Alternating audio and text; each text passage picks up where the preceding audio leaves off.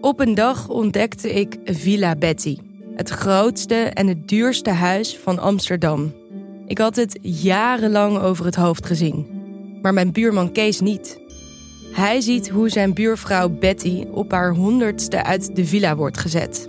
En al haar spullen op een openbare veiling worden verkocht. Wie heeft haar dit aangedaan? Ik ben Floor Doppen en in mijn podcast Villa Betty ga ik op zoek naar Betty's erfenis. Luister nu in je favoriete podcast-app. In de podcast Radio Romano met Noortje Veldhuizen Met Marcel van Roosmalen. En met Roelof de Vries.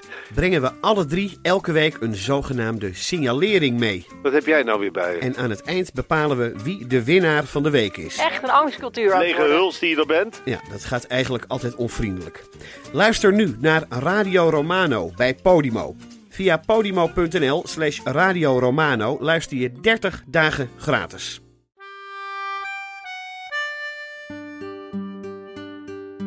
Dit is Man met de microfoon. Met echte en bijna echte verhalen uit een stadswijk. En ik ben Chris Baayema. Ik denk dat het gewoon een heel boos jongetje was die, eh, die zich niet begrepen voelde. Eh, u bedoelt degene waarmee ik gemeenschap heb gehad? Ja.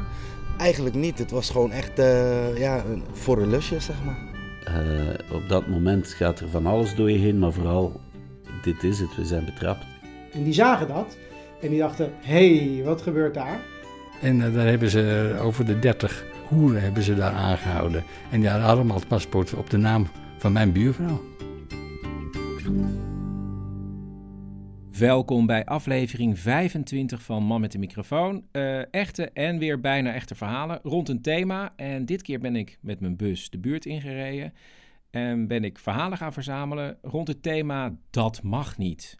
Hebben mensen ooit dingen gedaan die niet mochten? Of zijn ze bijvoorbeeld de dupe geworden van andere mensen die dingen deden die niet mochten? Nou, kortom, een heel... Oh, wacht even hoor. Bert, Het gaat niet goed, Chris. Gaat niet goed. Hoezo niet? Ja, kom maar langs, dan leg ik het je wel even uit. Ja, maar ik zit net mijn intro eh, in te spreken. Nou, oké. Ik kom wel even langs.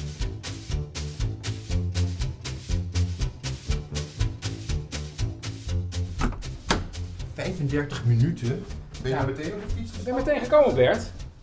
Ik ben meteen gekomen. Nee, ik kom maar binnen. Koffie? Nee, dank je. Ja, hij loopt. Oké, hoe zei je dat die uitzending heette? Dat mag niet. Ja, dat mag niet. Dat kan niet. Dat kan niet. Nee, een titel is om de mensen je podcast binnen te trekken, Chris. Maar mensen luisteren toch gewoon naar mijn programma? En is dit de nieuwe titel van een nieuwe af...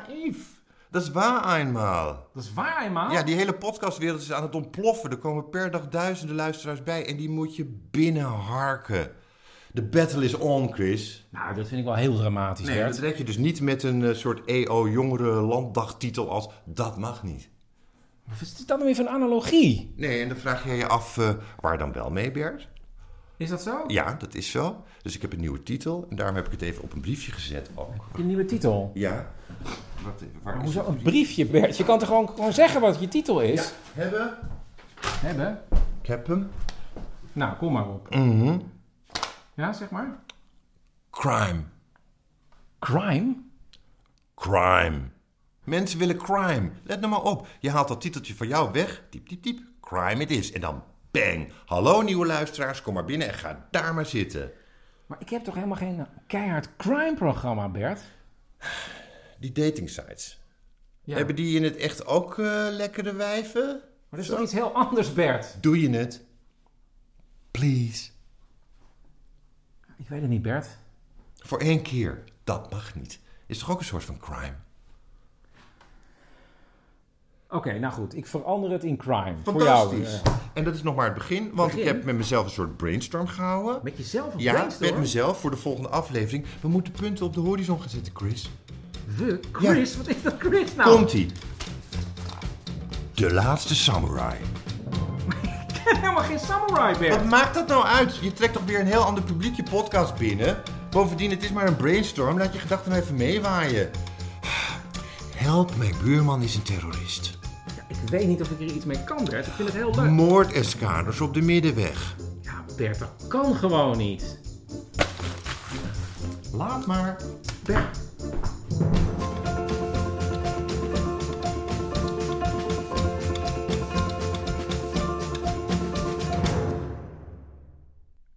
Op de lagere school vlakbij het park leert juf Nicolette aan de jongste kinderen wat ze moeten doen als andere kinderen iets doen wat niet mag. En als iemand iets doet wat je niet fijn vindt, bijvoorbeeld een potlood afpakken, dan mag je zeggen. niet meer leuk. Dat zeg je dus als iemand iets doet wat je niet fijn vindt. Mijn zoontje Wiek is ook net naar school en ik ben benieuwd of hij ook al weet wat wel en niet mag in de klas. Dus als hij weer met mijn recorder wil spelen, stel ik hem gewoon de vraag. Nu doet hij het. Kijk maar, nu loopt hij. Hou je hem zo vast. En hier moet je inpraten. Hallo? Zijn er dingen die je niet mag? Die, van dat je zegt, dat mag niet. Wat mag allemaal niet, Wiek? Ehm, niet uit de kring lopen als ze net begonnen zijn. Maar je mag ook niet iemand slaan. Dankjewel. Poppytaal. Wat? Poppytaal. Poppytouw. Zet je hem ook nog uit, dan moet je hierop drukken. Lisa werkt in de boekwinkel, maar was ooit juf. En iets meer dan tien jaar geleden was ze net klaar met haar opleiding. Ik was 22 jaar en ik kreeg mijn eerste klas. Ja, het, was een, een pittige klas. eh, met heel veel Turkse en Marokkaanse kinderen. En nog, nog ja, een staartje. Nog een aantal eh, witte kinderen, als je het zo mag zeggen. Eh, de school had ook een leegloop. Ja, en er zaten gewoon een groepje van vijf Marokkaanse jongens in de klas... die uit heel grote gezinnen kwamen. En eh, die waren allemaal de jongste. Dus het waren een soort vijf prinsjes die niet zo plan waren om naar een hele jonge eh, juf te luisteren die eh, ze niet kenden. Dat, was, dat speelde ook heel erg mee. En een van die jongetjes was de toen elfjarige Lachsen. Het was een klein jongetje die altijd trainingspakken droeg en heel erg op voetbal. Dus heel, heel fanatiek ook en heel opvliegerig. Maar ook heel lief. Dus omdat ik natuurlijk ook heel erg gesteld op hem was. Dus dan ga je natuurlijk ook wel gesprekken met hem voeren. En hij knuffelde ook wel met, met hem. Ik leerde ook wel dat het niet altijd alleen naar mij was. Of hij vond me lief. Of hij kon wel zeggen dat ik een mooie trui aan had. Dus dat zat erin. Maar hij was zo stout en ook zo heel boos. En ik denk dat ik er per toeval ben achtergekomen dat zijn moeder eh, ja, zelfmoord had gepleegd. Ja. ja. Hij luisterde gewoon echt niet. Ik denk dat het gewoon een heel boos jongetje was die, eh, die zich niet begrepen voelde. En toen was daar die dag dat hij weer niet goed luisterde. Ik denk dat het gewoon weer was. We moesten naar binnen komen en hij kwam niet. Dat, dat, zij hadden een rode en gele kaarten. En toen moest ik hem een rode kaart geven. Er was een, een, een regel op de school. Ja, en toen eh, moesten we zijn ouders bellen. En dus zat Lisa die middag samen met de directeur van de school te wachten op de vader van Lachsen. En de directeur was. Ja, echt nog zo'n directeur uit de villa met een jasje en een stropdas en een bril. ja, zo'n hoofdmeester. Als de vader er is, neemt Lisa het woord en legt de situatie uit.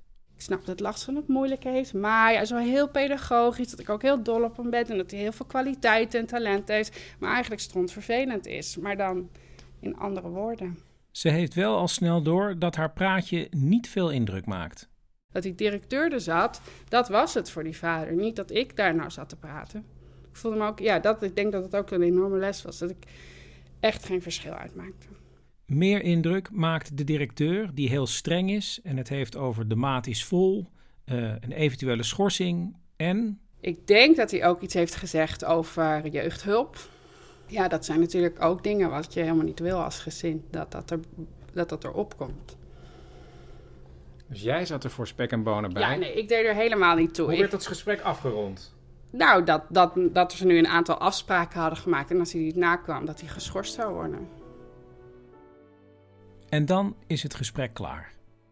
Die vader had me wel netjes een hand gegeven en ik loop naar het lokaal. En ik zat boven het schoolplein. Dus je, en toen zag ik uh, Lassen en zijn vader uit het schoolplein uitlopen. En voor het hek geeft hij zijn zoon zo'n ja, klap in zijn gezicht en wordt zo boos.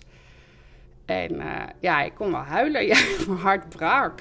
En toen dacht ik echt, ja, wat heb ik gedaan? Ik had dit nooit zo moeten doen. Dat doet je nog steeds wat. Ja, ik weet het ook. Ik vond het zo erg. Ik weet ook dat de juf naast me in groep 8, die kwam naar me toe. En die sloeg dan ook een arm. Ik vond het zo erg. Heb je het fout gedaan? Ja, dat, dat, tot de dag van vandaag weet ik dat niet. Ja. Nou, ik heb, heb wel het gevoel dat ik hem heb verraden. Want in die zin, kijk, zijn vader heeft niet de tijd of, ja, of begrip om in hem te verdiepen. Dat, zo was het niet. Dus in die zin helpt het niet wat je doet. En de volgende dag? Ja, gewoon heel diep ademhalen en weer naar school gaan. En kinderen zijn natuurlijk ook heel onvoorwaardelijk. Dus hij ja, kwam ook weer naast me staan.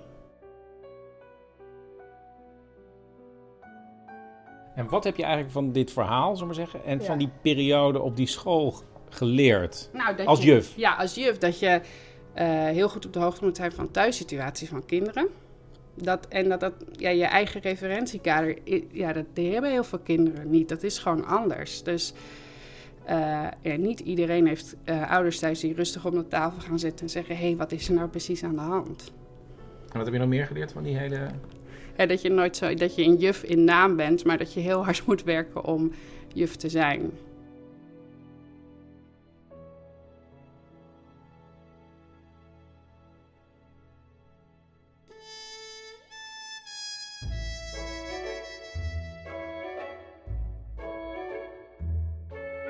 Meldmisdaad anoniem. Goedemorgen, zegt u het maar. Is dit meldmisdaad anoniem? Ja, dat klopt. Oh, nou oké. U spreekt met uh, Henk Visser. Oh, kut.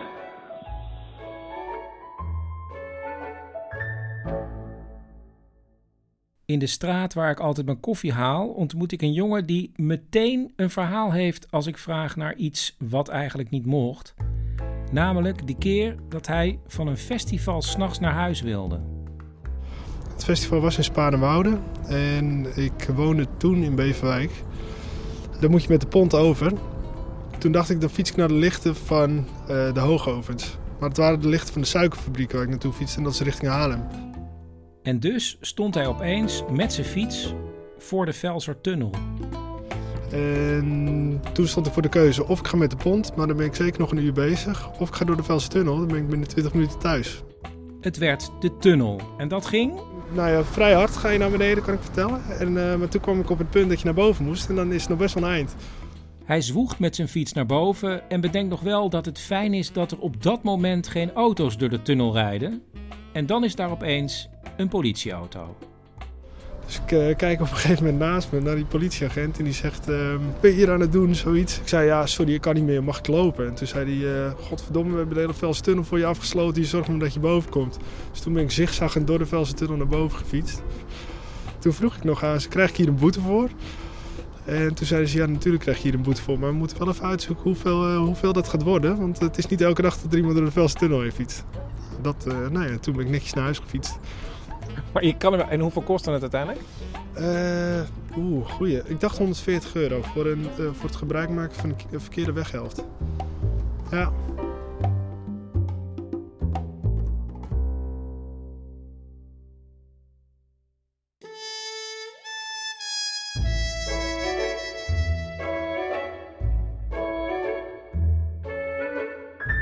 Meldmisdaad anoniem. Goedemiddag, zegt u het maar. Ja, ik spreek met Nee, dat ga ik dus niet zeggen, want het is anoniem, toch? Ja, nee, dat klopt. Het is anoniem. Ja, ook om, omdat ik bang ben dat er, uh, als dit bekend wordt, dat er dan opeens uh, iemand voor mijn deur staat. Nee, daar hoeft u absoluut niet uh, bang voor te zijn hoor. Heel fijn. Kijk, het heeft te maken met mijn personal trainer van de sportschool. Daar doe ik dus zo'n circuitje mee. Met cardio en alles. Ja, ik heb een idee, ja. Deze man zegt dus heel vaak tegen mij, dit gaat pijn doen. Ja. Dit gaat pijn doen. Echt heel vaak. En dat doet ook veel pijn. Ja. Ehm, ja, maar in dit geval zou het kunnen dat En hij, u- hij kijkt er dus ook heel typisch bij. Dat is ook belangrijk. Snap je? Ja. Echt Ja. heel intens. Zo. eh, ja, ik doe het nu voor. U ziet dat niet, dat weet ik. Maar ik denk dat er nu toch wel iets op u overkomt.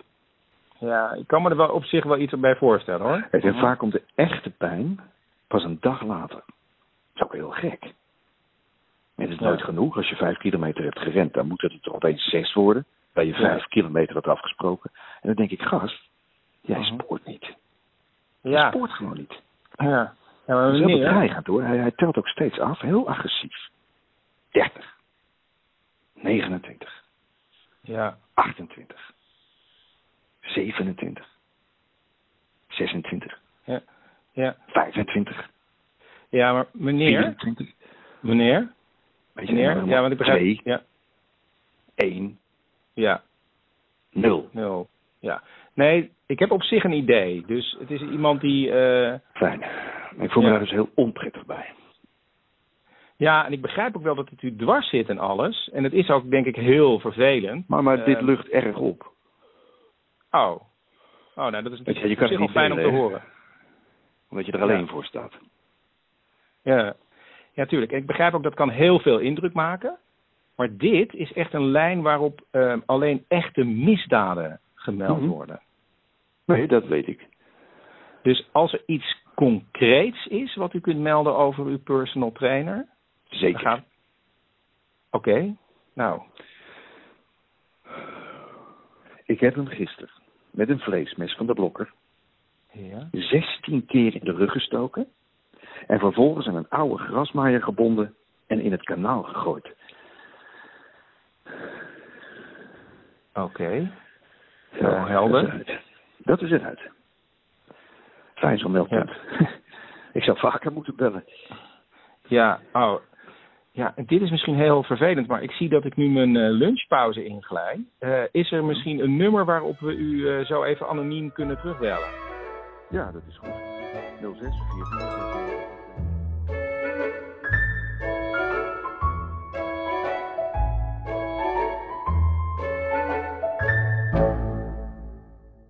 Als je vraagt, heb je wel eens iets gedaan wat niet mocht? Dan antwoorden de meeste mensen dat ze wel eens iets gestolen hebben in een winkel. En dat hebben we natuurlijk allemaal.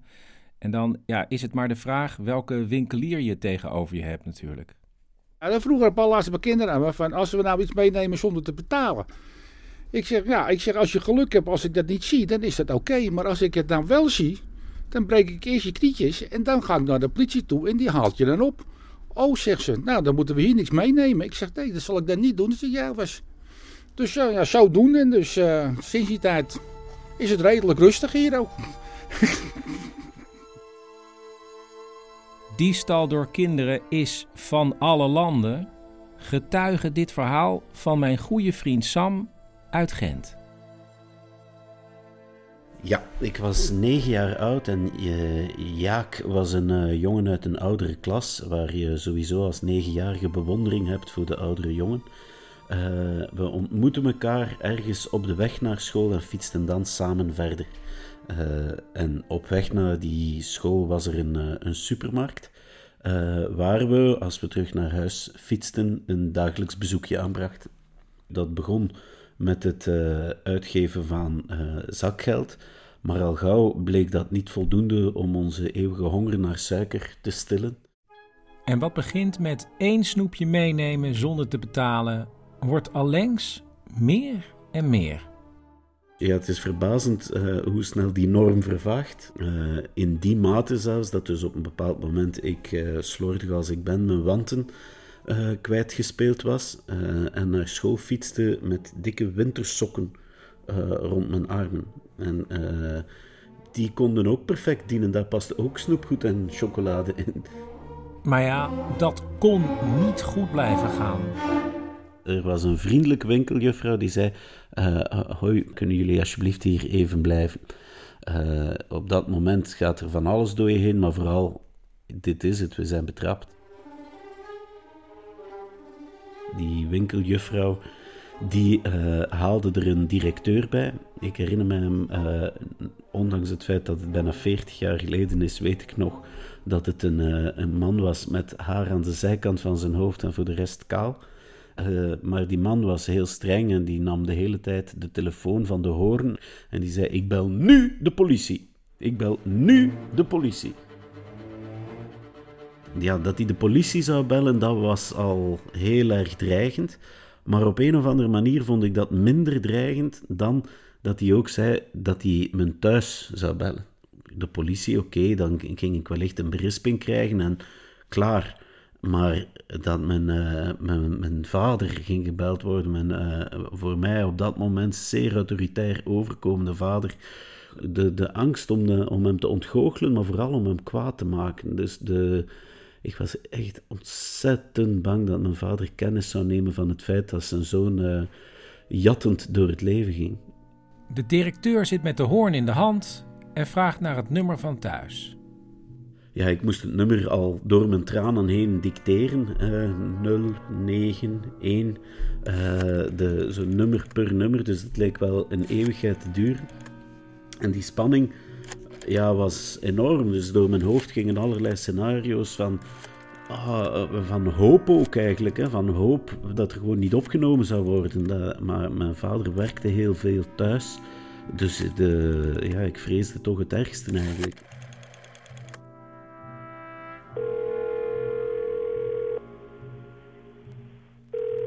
Ik denk dat hij een keer of zes echt wel overging. Uh, dat de, de, hoop in mij al postvatte van yes, er is blijkbaar is hij even de hoek om.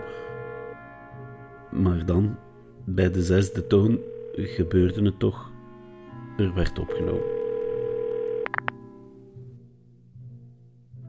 En de hele lieve stem van mijn mama zei van hallo. Ja, snikkend, huilend, uh, heb ik haar uh, met horten en stoten uh, verteld wat ik gedaan had. En ben ik vervolgens begonnen aan een immens, een immens pleidooi om het alsjeblieft, alsjeblieft, alsjeblieft, toch maar zeker niet aan mijn vader te vertellen.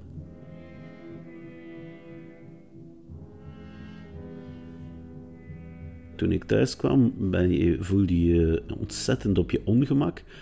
Uh, maar mijn vader uh, sprak er niet over. Dus uh, het leek wel degelijk zo alsof er tussen mijn vader en ik niks gebeurd was. En ik weet wel zeker dat als mijn moeder uit de biecht geklapt had, dat hij zich nooit had kunnen inhouden en dat hij sowieso het gesprek was aangegaan. Dus ik ben er tot op vandaag, 40 jaar later, van overtuigd dat mijn moeder de zwijgplicht heeft volgehouden.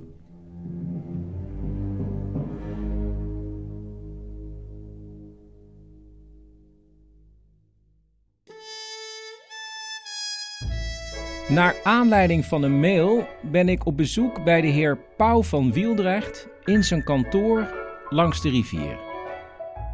Uh, ja, u had mij gemaild, want ja. u had iets met crime, maar dan net op een net iets anders. Wat bedoelt u nou precies? Oh, een beetje opbouwen in je verhaal, Chris. Zou leuk zijn. Spanning opbouwen. Oké, okay, ja. Hoe is het met u? Laat ik het zo zeggen. Ik mag wel klagen, maar ik doe het niet. Snap je? Nee? Hoe bedoelt u? Nou, omdat het normaal is, ik mag niet klagen. En dat is dus omdenken. Ja, oh, ja. Ken je dat? Omdenken? Ja, dat is toch dat je het allemaal net van een andere kant bekijkt of zo? Exacto, Mundo. Dat zijn wij nu aan familie volop aan het doen. Maar het blijkt dat wij dingen dus heel verkeerd hebben aangepakt de afgelopen jaren. Ik kom daar zo op terug, Chris. Biertje? Biertje? Ja, ja. Hè? Maar het is half elf hè, in de ochtend. Daar ga je al. Omdenken, Chris. Hier, heb je hem. En kijk jij nou eens eventjes goed ah, wat er onderop het etiketje staat. Pauw van Wieldrecht. Hé, hey, u heeft een eigen biertje. Een biertje met een verhaal. En dat heet in de marketing story. En dat is tegenwoordig dus heel belangrijk, juist voor een merk als Pauw van Wieldrecht. Hé, maar je bent toch geen merk? Je bent toch familie? Ja, maar goed, de, de meeste mensen kennen onze familie natuurlijk van Stichting Dik in Orde. Dik in Orde? Dikke kinderen, maar dat heet uh, obese. was ooit heel lief bedacht, maar nu met die hele beeldcultuur, Instagram, Snapchat en weet ik hoe het allemaal heet, dan gaat het zich tegen je keren, Chris. Je moest ook vaak vier stappen naar achter doen om zo'n kind überhaupt in beeld te krijgen. Kortom, we moesten op zoek naar een andere story that fits us. En, en dat is dit beertje dan? Bingo. Ja, hè? Maar het heet de beul van Bandung? Precies. Met dat hele omdenken hebben we besloten juist dat criminele verleden van onze voorouders helemaal te omarmen. Kijk, zo'n weide met bakstenen krijg je niet voor niets, eh, Chris. Hè? Maar sinds het omdenken is het niet meer wegduiken en afleiden met dikke kinderen, maar gewoon ownen die zooi. Vandaar de beul van Bandung. Oh, en die beul, dat is een voorouder van u dan? Archibald, Pauw van Wieldrecht, toffe peer, trok 46 slavenboten de Atlantische Oceaan over en heeft enorm huis gehouden in de gordel van Smaragd. De sidderaal van Celebes, zo hadden we het ook kunnen noemen. Maar Bul, ja, dat heeft toch meer dat uh, hoppige wat bij een biertje past. Ja. En kijk nog eens goed naar het etiket. Uh, Chris, wie staat daar aan profiel uh, de slechterik uit te stralen? Oh, bent u dat? Ja, is toch oneindig geestig, Chris, of niet? Ja, misschien ook een beetje smakeloos, Nou, of niet? Dan moet je het even proeven, Chris. Er zit een klein uh, kruidnageltje in. Ik heb hem. Heb je Ja? hem? Heb je hem? Kruidnageltje? Ja, ik denk het wel. Lekker hoppig, gistig. Een beetje zwaarder dan normaal. Dat slappe bier van tegenwoordig. Dat wijvenpils. Bier is het nieuwe wijn. Wist je dat?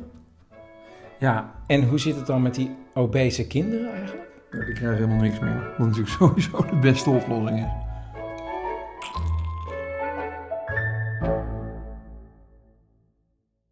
In het hoge gebouw bij het spoor woont Martijn. En hij heeft wel een verhaal. En dat verhaal gaat over. Eh, dit verhaal gaat over ehm, het eh, illegaal aanbrengen van een poster. eh, in het kader van de Dag van de Vrijheid van de Meningsuiting. En ik was toen lid van de affichevereniging Loesje. Die kennen jullie misschien wel. Ja, dit verhaal speelt zich af in 1992. Loesje bestaat nog steeds, geloof ik. Maar ze waren toen heel bekend met het ophangen, illegaal, van posters met bijzondere spreuken erop. Zoals bijvoorbeeld. Even denken hoor. ehm, aan het einde van mijn geld heb ik altijd nog een stukje maand over. Kortom, een vrolijke, subversieve club met leden in het hele land. En Martijn was. Ja, ik was de afdeling Dordrecht. Dus ik was eh, Martijn Dordrecht, eh, samen met een vriend van mij, Mark, Mark Dordrecht.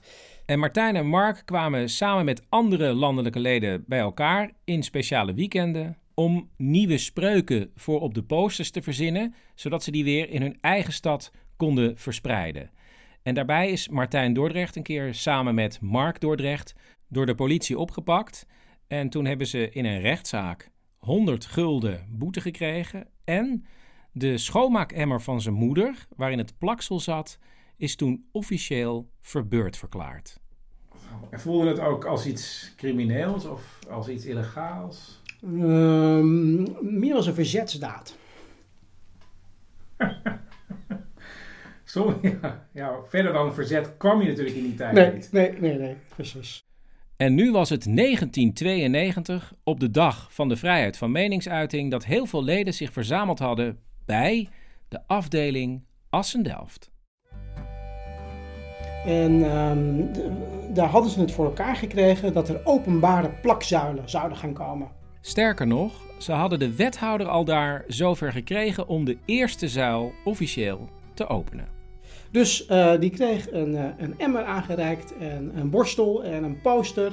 En hij begon aanstalten te maken om die daar op te hangen. En op dat moment kwamen net twee politiemannen de hoek om. En die zagen dat. En die dachten, hé, hey, wat gebeurt daar? En die kwamen op de wethouder af en die zeiden, meneer, dat, dat gaat zomaar niet. We kunnen niet zomaar een poster op gaan hangen. Waarop de wethouder zei, ja, maar ik ben de wethouder. en de politiemensen, die hadden de wethouder niet herkend. Die kenden hun eigen wethouder niet. Sterker nog, ze geloofden hem ook helemaal niet. Ze zeiden, ja, dat kan iedereen wel zeggen. Eh, heeft u daar een bewijs van? Nou, en dan was er ergens een vergunning die de wethouder zelf had geschreven. Die moest ergens vandaan gehaald worden en die moest aan de politie getoond worden. En inderdaad, toen eh, geloofden ze hem en toen mocht eh, de wethouder daar zijn eh, poster op aanplakken. De politie droop af en de mensen van Loesje vierden een klein feestje. Maar de politie vond dat kennelijk toch niet zo heel erg leuk. Want nadat dus die cel was geopend, trokken wij eh, zelf eh, de buurt in. En ehm, ja, daar stonden dus drie hoeken verder een poster eh, aan te brengen. En op dat moment, ja hoor, kwam de politieauto weer de hoek om. En waren wij er gloeiend bij. Ze werden opgepakt, naar het bureau gebracht en werden een paar uur in een cel gezet, alvorens ze weer naar huis mochten, inclusief de nieuwe schoonmaakemmer van de moeder van Martijn Dordrecht. Ehm, we hebben er trouwens later nooit meer iets van gehoord. Ze hebben het niet echt tot een rechtszaak laten komen deze keer.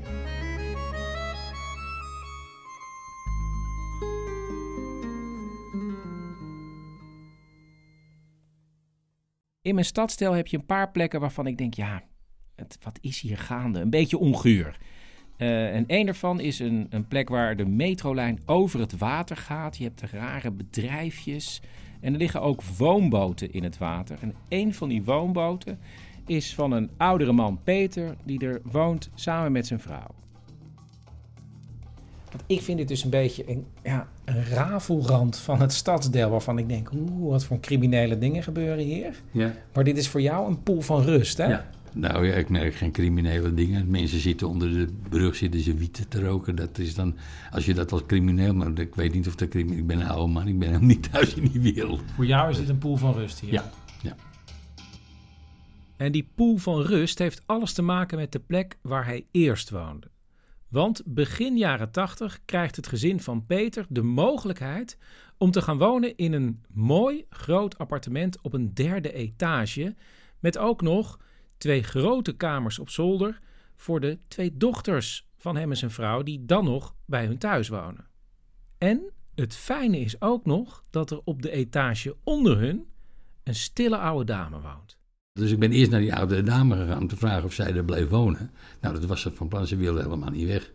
Dus toen dachten wij van, nou, dan is het heerlijk, eh, heerlijk daar vertoeven, dan hebben we geen probleem. Maar we woonden er twee maanden en toen kon die vrouw verhuizen naar een benedenwoning. En toen is ze toch gaan verhuizen.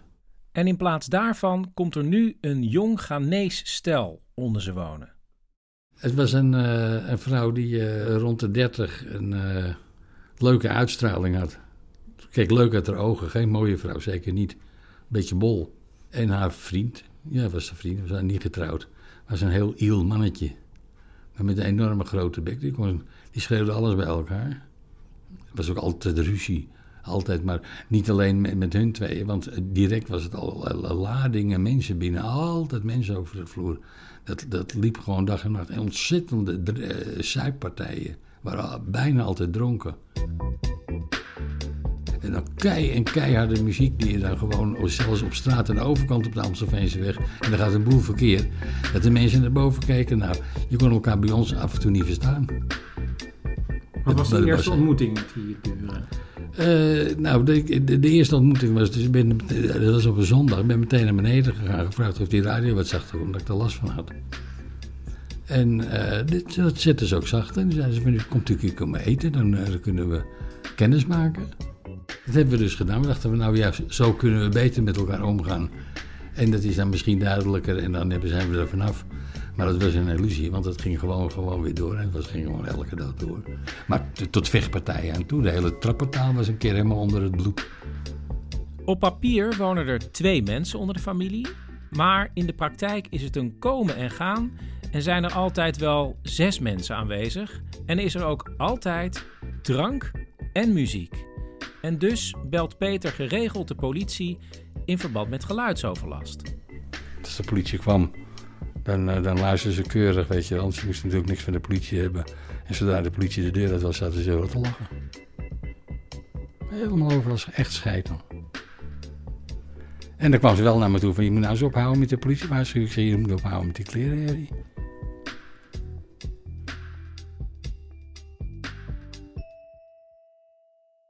En wat gebeurt er dan psychisch met je?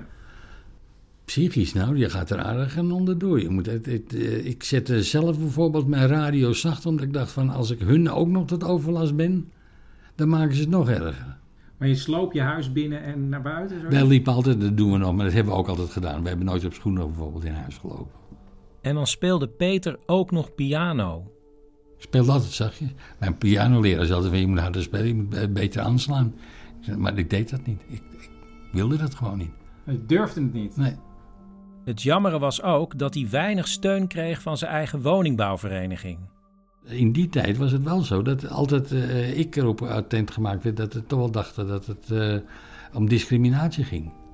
En daar wisten de onderburen ook feilloos op in te spelen. En ik, ik, ik heb natuurlijk verschillende keren gesproken met ze over dat geluidsoverlast. En er was er ook een, zo'n figuur, die werd dus voorgesteld als broer van, van haar. Van je moet niet bij mij klagen, maar je moet bij je koningin klagen. Die hebben ons ook leeggezogen. Langzamerhand vermoedt Peter dat er toch meer aan de hand is beneden dan alleen maar feesten en mensen die in en uitlopen. Je ziet dan post, hele pakken post uit het buitenland. Dus ja, je neemt het fatsoenshalve toch altijd mee. Dat leg je dan bij hun voor de deur neer. En dat was mee, bijna elke dag een behoorlijke stapel post. Peter vermoedt dat er ergens in gehandeld wordt, maar waarin, dat weet hij niet precies. Er worden ook vaak dingen afgeleverd bij de buren. En als de mensen de onderburen zelf niet wakker willen maken, bellen ze bij Peter aan. En niet alleen voor pakketjes. Uh, ik deed de deur open en er komt een beetje asociaal type. Uh, nog een vrij grote, stevige vrouw binnen. Boven. En die zegt van ik moet even bij de buren zijn, want ik heb geld nodig, want ik heb hun kinderen.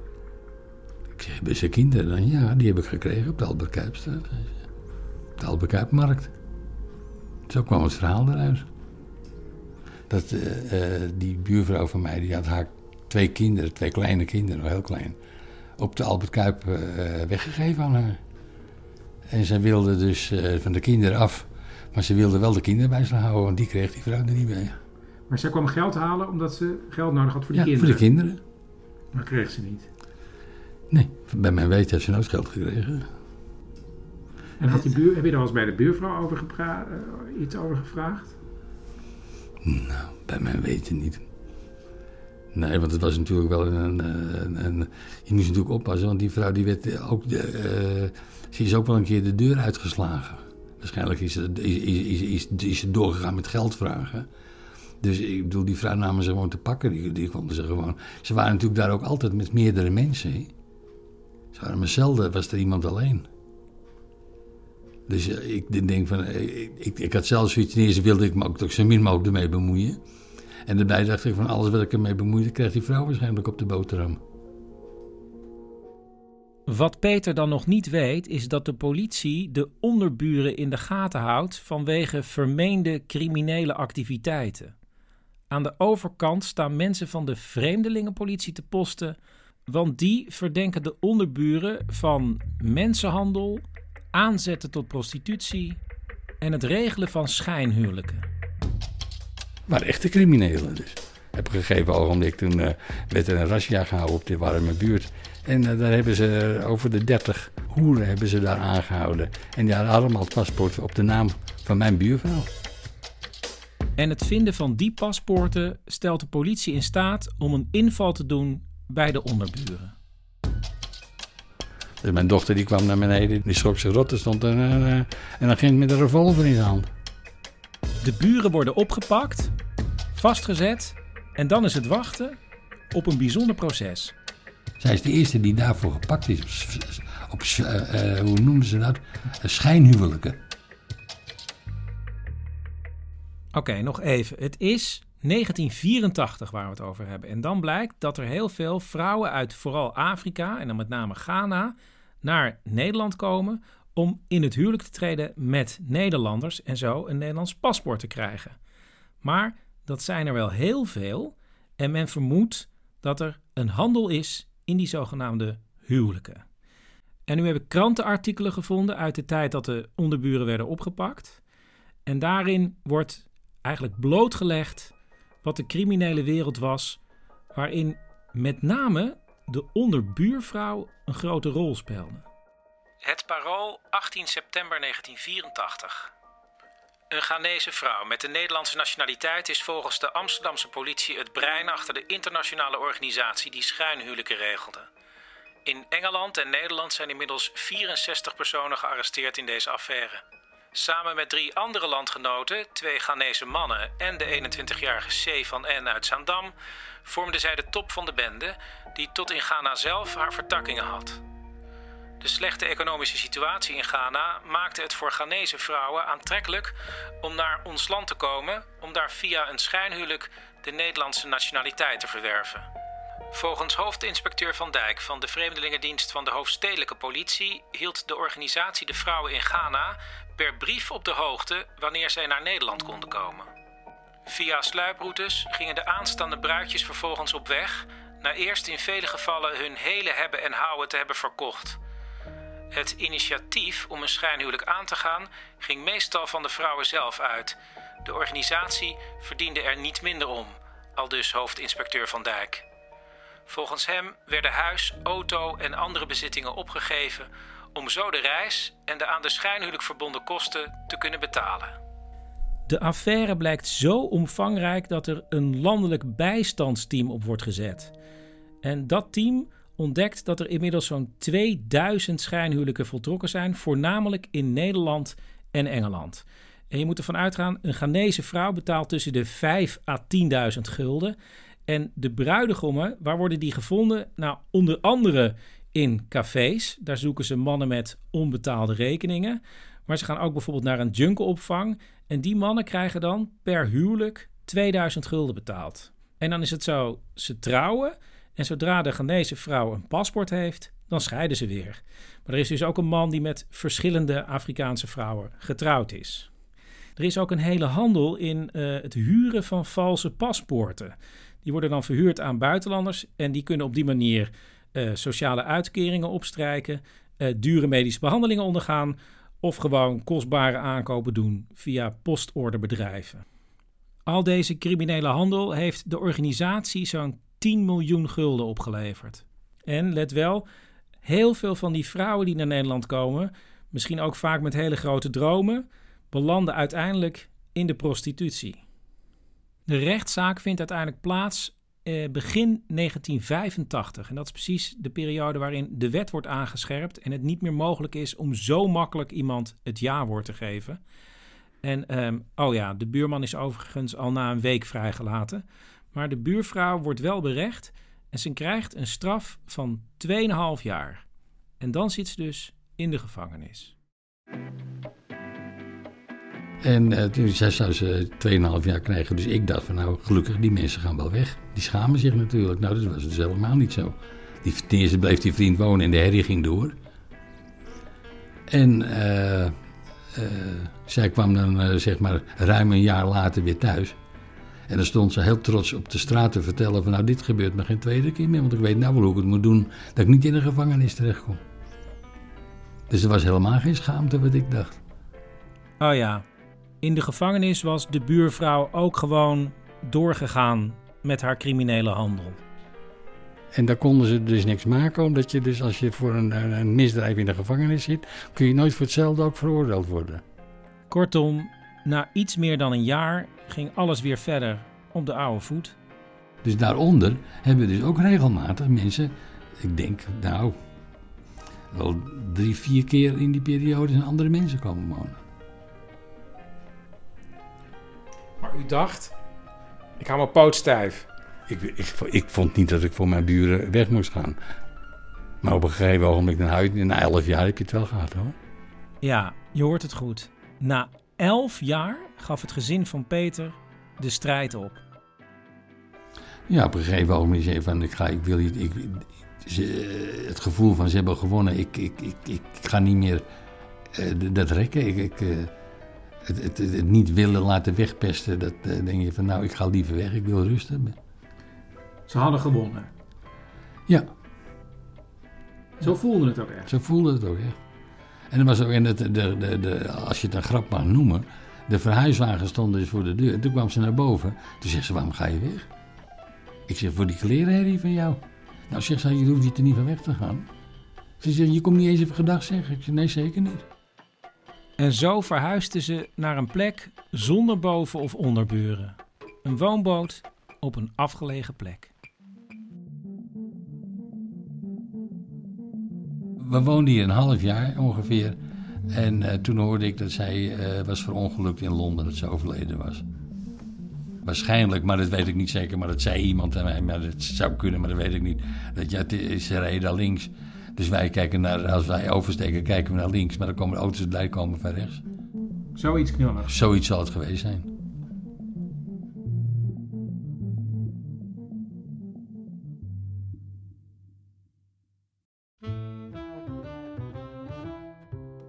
Op het industrieterrein zie ik iemand zenuwachtig heen en weer lopen. van en naar zijn witte auto. Het is een brede jongen met een hemdje aan en daaronder zie ik tatoeages. Ik loop op hem af en vraag of hij ooit iets gedaan heeft wat eigenlijk niet kon. Eh, ja, wat heb ik gedaan in mijn leven wat niet kon? Ja, gemeenschap gehad met een andere vrouw terwijl ik in een relatie zat. Dat is wel iets waar ik spijt van heb. En eh, ja, helaas eh, heeft dat ook mijn relatie toen ja, zeg maar stuk gemaakt. Vind je het een crime eigenlijk? In principe wel. Kijk, het is natuurlijk algemeen bekend dat wij mannen, wij zijn gewoon tijgers. Dat is gewoon een feit. Alleen ja, het, het is natuurlijk hoe je, hoe je ermee omgaat. Hè? Met, Wat voor uh, tijger ben je dan nu? Ik, nu. Nu ben ik gewoon, uh, ik ben vrijgezel. Dus ik, uh, ik kan niemand kwaad doen. dus zodoende. En dus is er ook niks geworden met die andere vrouw? Nee, nee, helaas niet. Dus, die vond je wel leuker dan je, die vriendin die je had?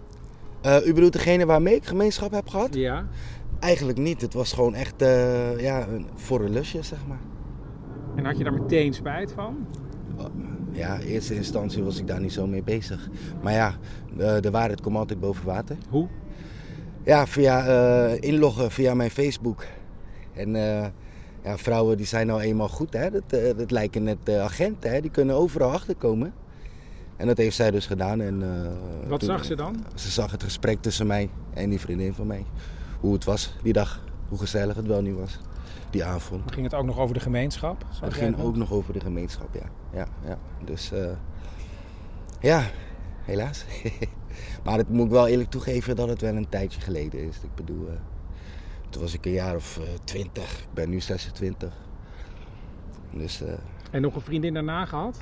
ja, ja, ja, ja, ja. Zeker. En? Ja, dat, dat, was leuk.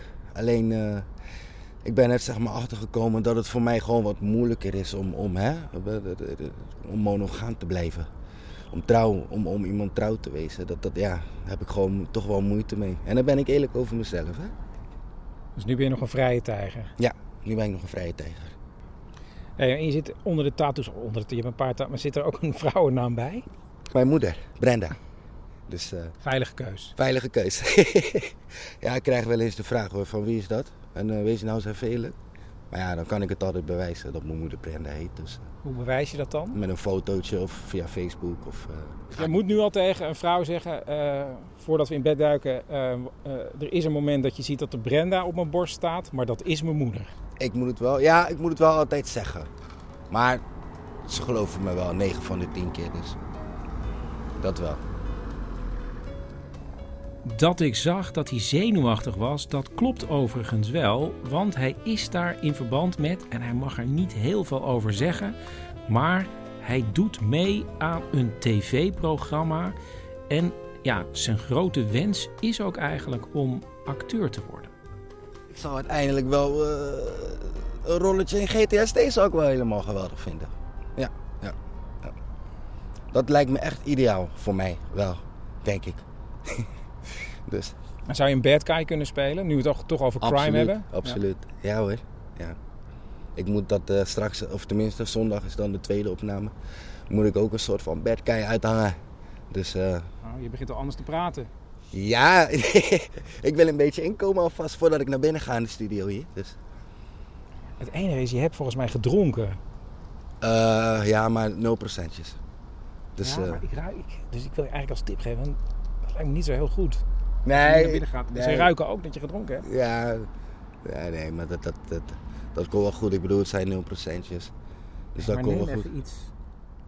Ja, ja, dat komt mag, Want is het echt 0%, dan mag je niet rijden, want dan ben je crimineel. Het is 0%. Ik ben geen crimineel, absoluut niet. Wil ik bepaalde dingen bereiken? Maar je moet ook geen 0% natuurlijk drinken, want dan ruikt het alsof je echt uh, gedronken hebt. Oh, maar als ze dat vragen aan mij, dan zal ik gewoon Ik zou gewoon binnenkomen en zeggen, jongens, even, uh, ik ben buiten, buiten, aangesproken door iemand die zei, uh, je hebt toch niet gedronken? nou, ik denk dat ik het sowieso ga vertellen. Denk dat ze dat wel apart gaan vinden, ja.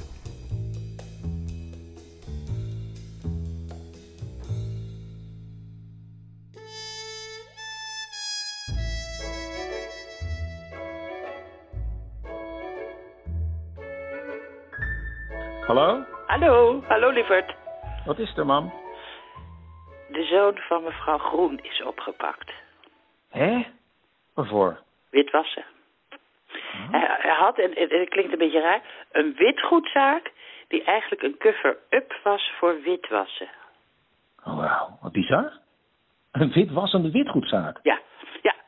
En mevrouw Groen, die kan er niet over ophouden. Ik kan nauwelijks de deur uitgaan of ze komt tegen me aankletsen. Volgens mij zit ze gewoon achter de deur te wachten om mij te bespringen. Nou ja, het is natuurlijk ook wel heel na voor mevrouw Groen als je zoon is opgepakt. Ze moet het natuurlijk wel een beetje kwijt kunnen. Ze moet het verwerken wat er is gebeurd. Ja, was dat maar zo. Ze zitten gewoon over op te scheppen. Over hoe die gewoon grapjes heeft lopen maken met de agenten. En over dat hij zijn tijd in de gevangenis gaat gebruiken om eens lekker uit te rusten. Nou ja. Ja, en ik wilde nog zeggen. Wie denk je dat er betaalt voor zijn verblijf in de gevangenis? Ja, had je kunnen vragen. Nee, dan kom ik natuurlijk helemaal niet meer van eraf. Nou ja, het zal toch wel weg hebben na een tijdje, toch? Ja. Maar nou zit ik ergens mee. Ja? Nee, ik heb ooit een, een wasmachine van die jongen gekocht. Maar, maar dat Ah. klopt natuurlijk helemaal niet. Ik, ik, ik heb een crimineel object in huis en dat wil ik niet. Maar als hij die wasmachine heeft verkocht, dan heeft hij die toch juist niet wit gewassen? Hm? Of, of juist wel? Hoe werkt witwassen nou weer? Nou, eh, volgens mij, ze doen alsof ze iets verkopen, maar ondertussen zijn ze alleen maar bezig met drugs. Dat is witwassen. Ja, maar als ze doen alsof ze iets verkopen, dan klopt het toch niet dat jij dat ding daadwerkelijk gekocht hebt? Nou ja, eh, als ik eerlijk ben, moet ik bekennen, ik snap nooit helemaal goed wat witwassen is. Nee, ik ook niet. Maar dat die wasmachine niet deugt, dat blijft natuurlijk wel een feit. En wat zou je dan willen? Ja, die, die wasmachine moet weg. Ik heb een ander idee. Wat nou als je die wasmachine juist houdt en dat je dan elke keer als je de was doet, denkt: ik heb gekozen voor een life in crime. Life in crime? Ja, dat je even helemaal meetelt in de wereld van de internationale misdaad. Huh? Dat je bij wijze van spreken ieder moment voor de deur iemand van Interpol hebt kunnen staan, man. ja. Als je het zo zegt. Dat is toch heerlijk? Even lekker buiten de lijntjes kleuren, man. Och, lieverd, dankjewel. Ik ga meteen een witte was draaien.